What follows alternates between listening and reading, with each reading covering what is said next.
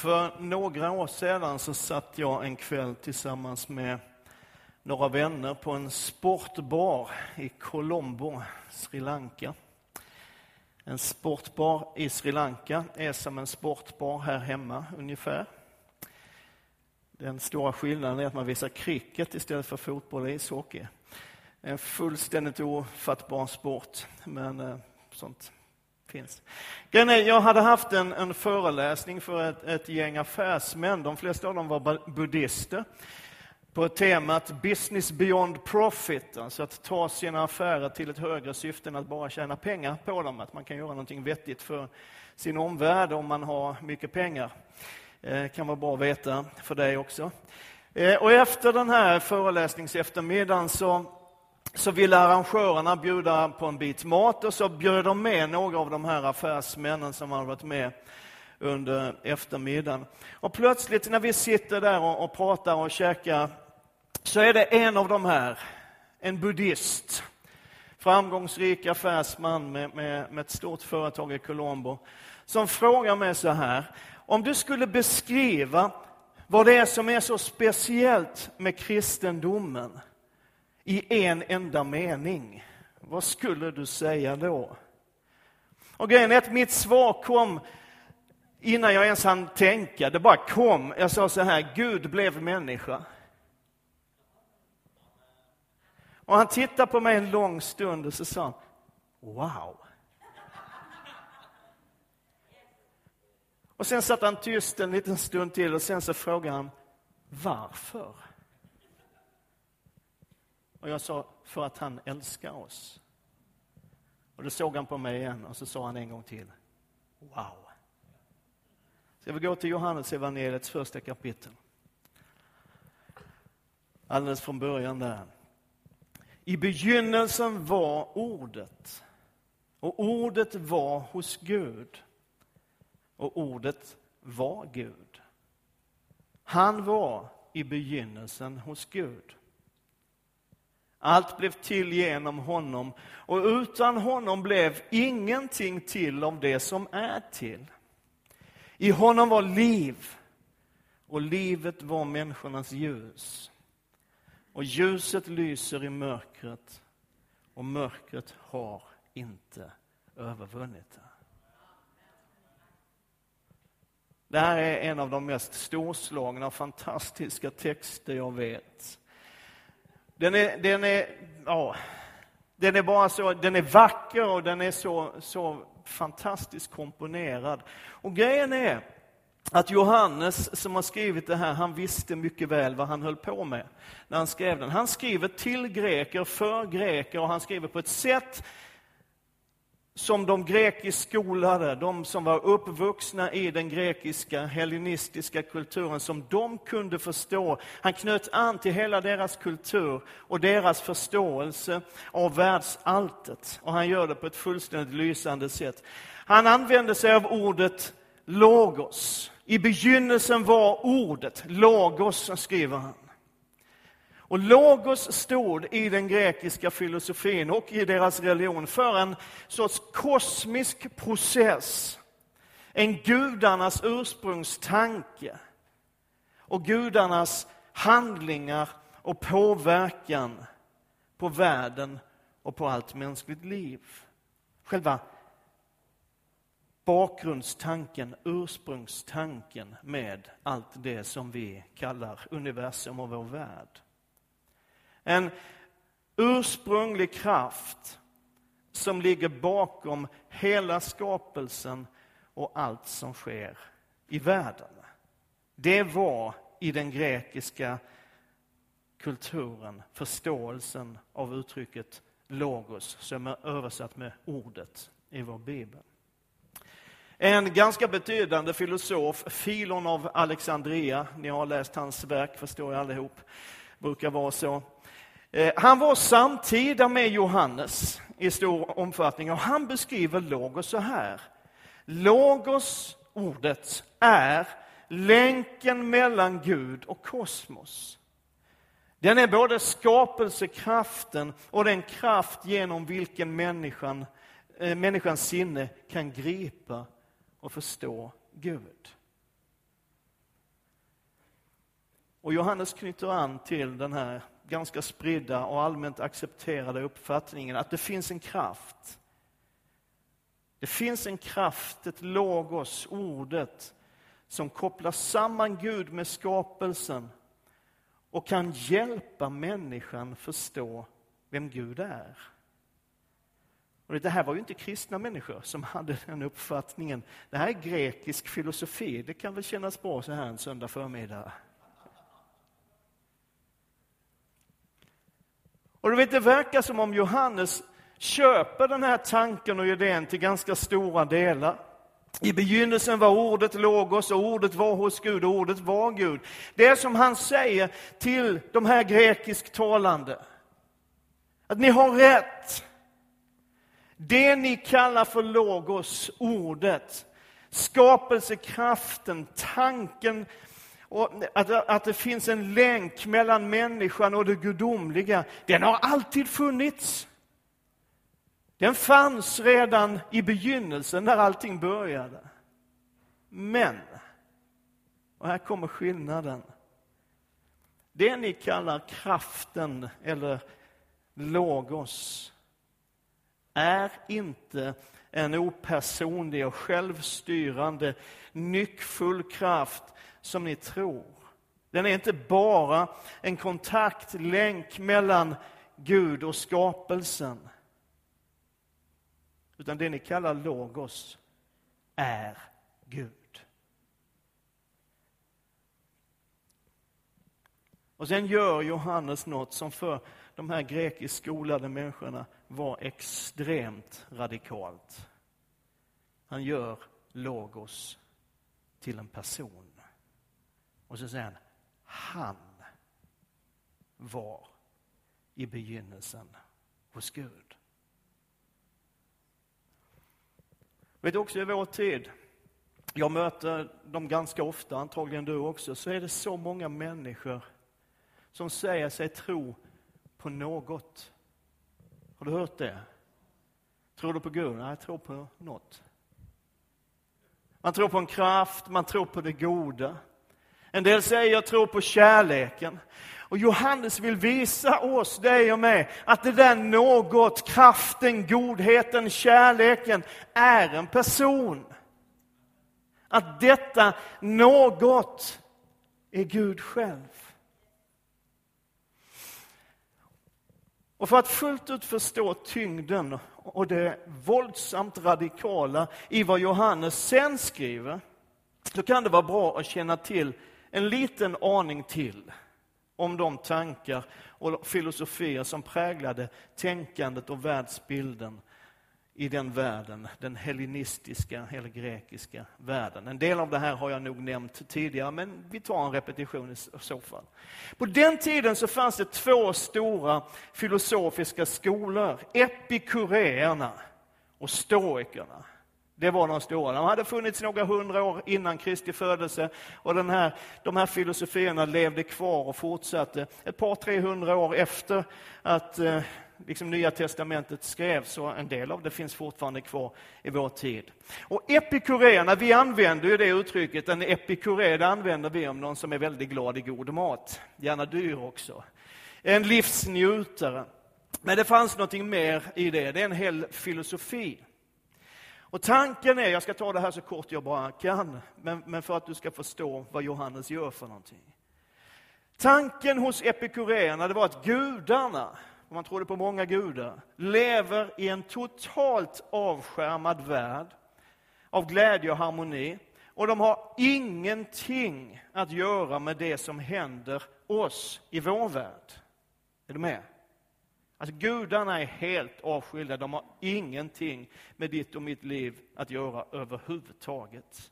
De har ingen del i vår vardag, de har ingen del i vårt liv. Och därför så spelar det ingen roll hur man lever Eh, och vad man gör.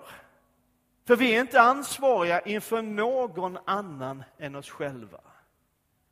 Känner du igen de tankarna? Gör det som känns rätt för dig. Det som känns rätt för dig är rätt för dig. Följ din magkänsla. Och epikureernas filosofi la grunden till att man försökte leva ett liv i maximal njutning. Man skulle ha en själ och ett inre som var fullständigt oberörd, vad som än händer, men man skulle leva i total njutning. Det spelar ingen roll vad man gjorde för sin njutning eller, eller liksom vilka lik man trampade på för att uppnå den. Och målet var att leva i den totala njutningen och samtidigt vara helt oberörd av den. En maximerad, blasé personlighet. Jag har mött en annan sån, de brukar kallas tonåringar över tid, men det... Den andra skolan var stoikerna. De hade samma mål, en inre oberördhet. Man talar ibland, om stoiskt lugn, det är få som vet vad det betyder, men det handlar om detta. Att inte bli berörd, inte låta sig skakas och inte låta sig bli upprymd heller. Ingenting av det som händer ska liksom påverka mitt inre överhuvudtaget. Målet var att inte känna någonting, att inte uppleva någonting egentligen, utan bara se till att mitt inre förblir oberört vad som än händer. Men det fanns en skillnad mot epikuréerna och det var att stoikerna såg inte till, tillvaron som någon sorts tillfälligheternas spel där gudarna var frånkopplade. Utan man trodde att det fanns en fastlagd ordning, en plan, ett logos, ett ord. Som man helt enkelt skulle lära sig att finna sig i. Finna sig i sitt öde, gilla läget, det är som det är, det blir som det blir, vad som än händer. Inshallah, ja, det sa de inte, men, men det är lite samma tanke i det hela. Alltså. Och grunden för, för ståkarna var att gudarna, som trots allt hade lagt de här planerna och medverkade i de här planerna och ödena, präglades inte av sympati utan av apati. En oförmåga att känna någonting alls. Och det var det man strävade efter. Så oavsett om man var stoiker eller epikuré så fanns det en gemensam och övergripande tanke. Även om man, den yttrades och tolkas lite grann olika. Gudarna bryr sig inte. Det var själva grundtanken. Antingen så är de helt avskärmade från oss och har ingen kontakt med den här världen överhuvudtaget. Eller också har de en gång någonstans i begynnelsen lagt en plan och sen så får den bli och det blir som det blir. De bryr sig inte. Och rakt in, och jag tycker det här är så häftigt, rakt in i den världen. Rakt in i det tankesättet, den kulturen och den tidsandan så skriver Johannes så här och ordet blev kött, människa och bodde bland oss. Gudarna bryr sig inte. Ordet som är Gud och var Gud blev människa och bodde bland oss. Men gudarna bryr sig inte, men vi såg hans härlighet. Den härlighet som den enfödde har från Fadern och han var full av nåd och sanning. Vet, ordet som är en person, en person som är Gud, blev kött och människa. Och det är ju det som är julens alldeles makalösa budskap. Det här något som vi kanske tror på, eller inte tror på. I alla fall så vill vi helst inte prata om det i så fall. Detta något vi kan kalla det för vad vi vill. Vi kan kalla det för kärleken, vi kan kalla det för godheten, vi kan kalla det för karma, du kan kalla det för the force, din nörd. Men Bibeln säger att det inte är någon opersonlig mystisk kraft, utan han är en person. Han är Gud själv.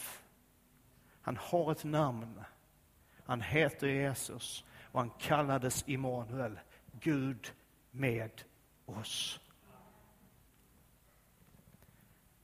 Och han klev rakt in i vår vardag. Rakt in i vår värld. Delade våra villkor och levde som vi. Och han var så full av nåd och sanning så att vi kunde se hans härlighet. Så att vi kunde förstå att han är Gud. Vet du, jag tror på en Gud som har skapat knäna i gruset på skolgården. Jag tror på en Gud som har sprungit över fälten med sina kompisar. Jag tror på en Gud som har slagit sig på tummen med hammaren när han skulle hjälpa sin fosterpappa i, i verkstaden. Jag tror på en Gud som tyckte att tjejer är mesiga. Nej, det kanske han inte gjorde. Jag tror på en Gud som har hängt med vanliga människor och som har tagit extra tid med dem som hade det svårt. Jag tror på en Gud som tyckte att barn är supermysiga och så att vi som är vuxna borde lära oss av de som är små. Jag tror på en Gud som har blivit sliten och hungrig och trött. Jag tror på en Gud som har lagt sig och vila på kvällen.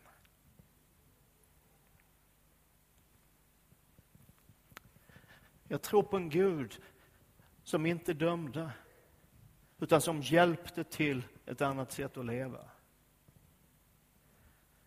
Jag tror på en Gud som har gråtit och upplevt sorg, smärta och ensamhet. Jag tror på en Gud som vet vad det är att vara människa. På 90-talet så hade sångerskan Joan Osborne en världshit med sin sång What if God was one of us? Tänk om Gud vore en av oss. Hon sjunger om en främling på bussen på väg hem. What if God was one of us? Ja. När Hebreerbrevets författare ska beskriva Jesus för oss så använder han bilder från Gamla testamentet. Man kallar Jesus för överste präst. Den i Gamla testamentet som faktiskt var den där länken mellan Gud och människorna. Och han skriver så här, ni kan komma upp förresten lovsångaren, för nu är jag snart klar. Föredömligt kort predikan idag. Han skriver så här, vi har inte en överste präst som vi inte kan ha medlidande med våra svagheter. Utan en som har varit frestad i allt, liksom vi, fast utan synd.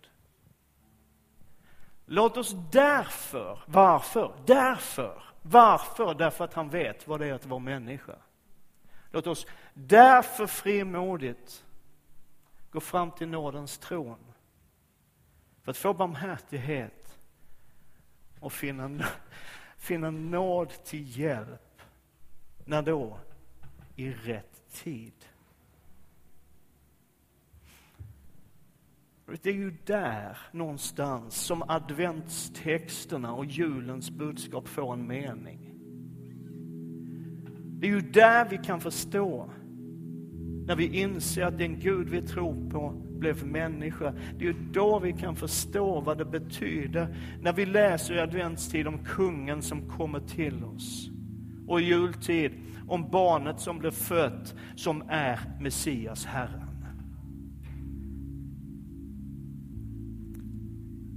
Julens budskap handlar om en Gud som har gått i våra skor. En Gud som vet vad det är att vara människa. Och ordet blev människa, bodde bland oss. Vi såg hans härlighet, den härlighet som den enfödde har från Fadern han var full av nåd och sanning.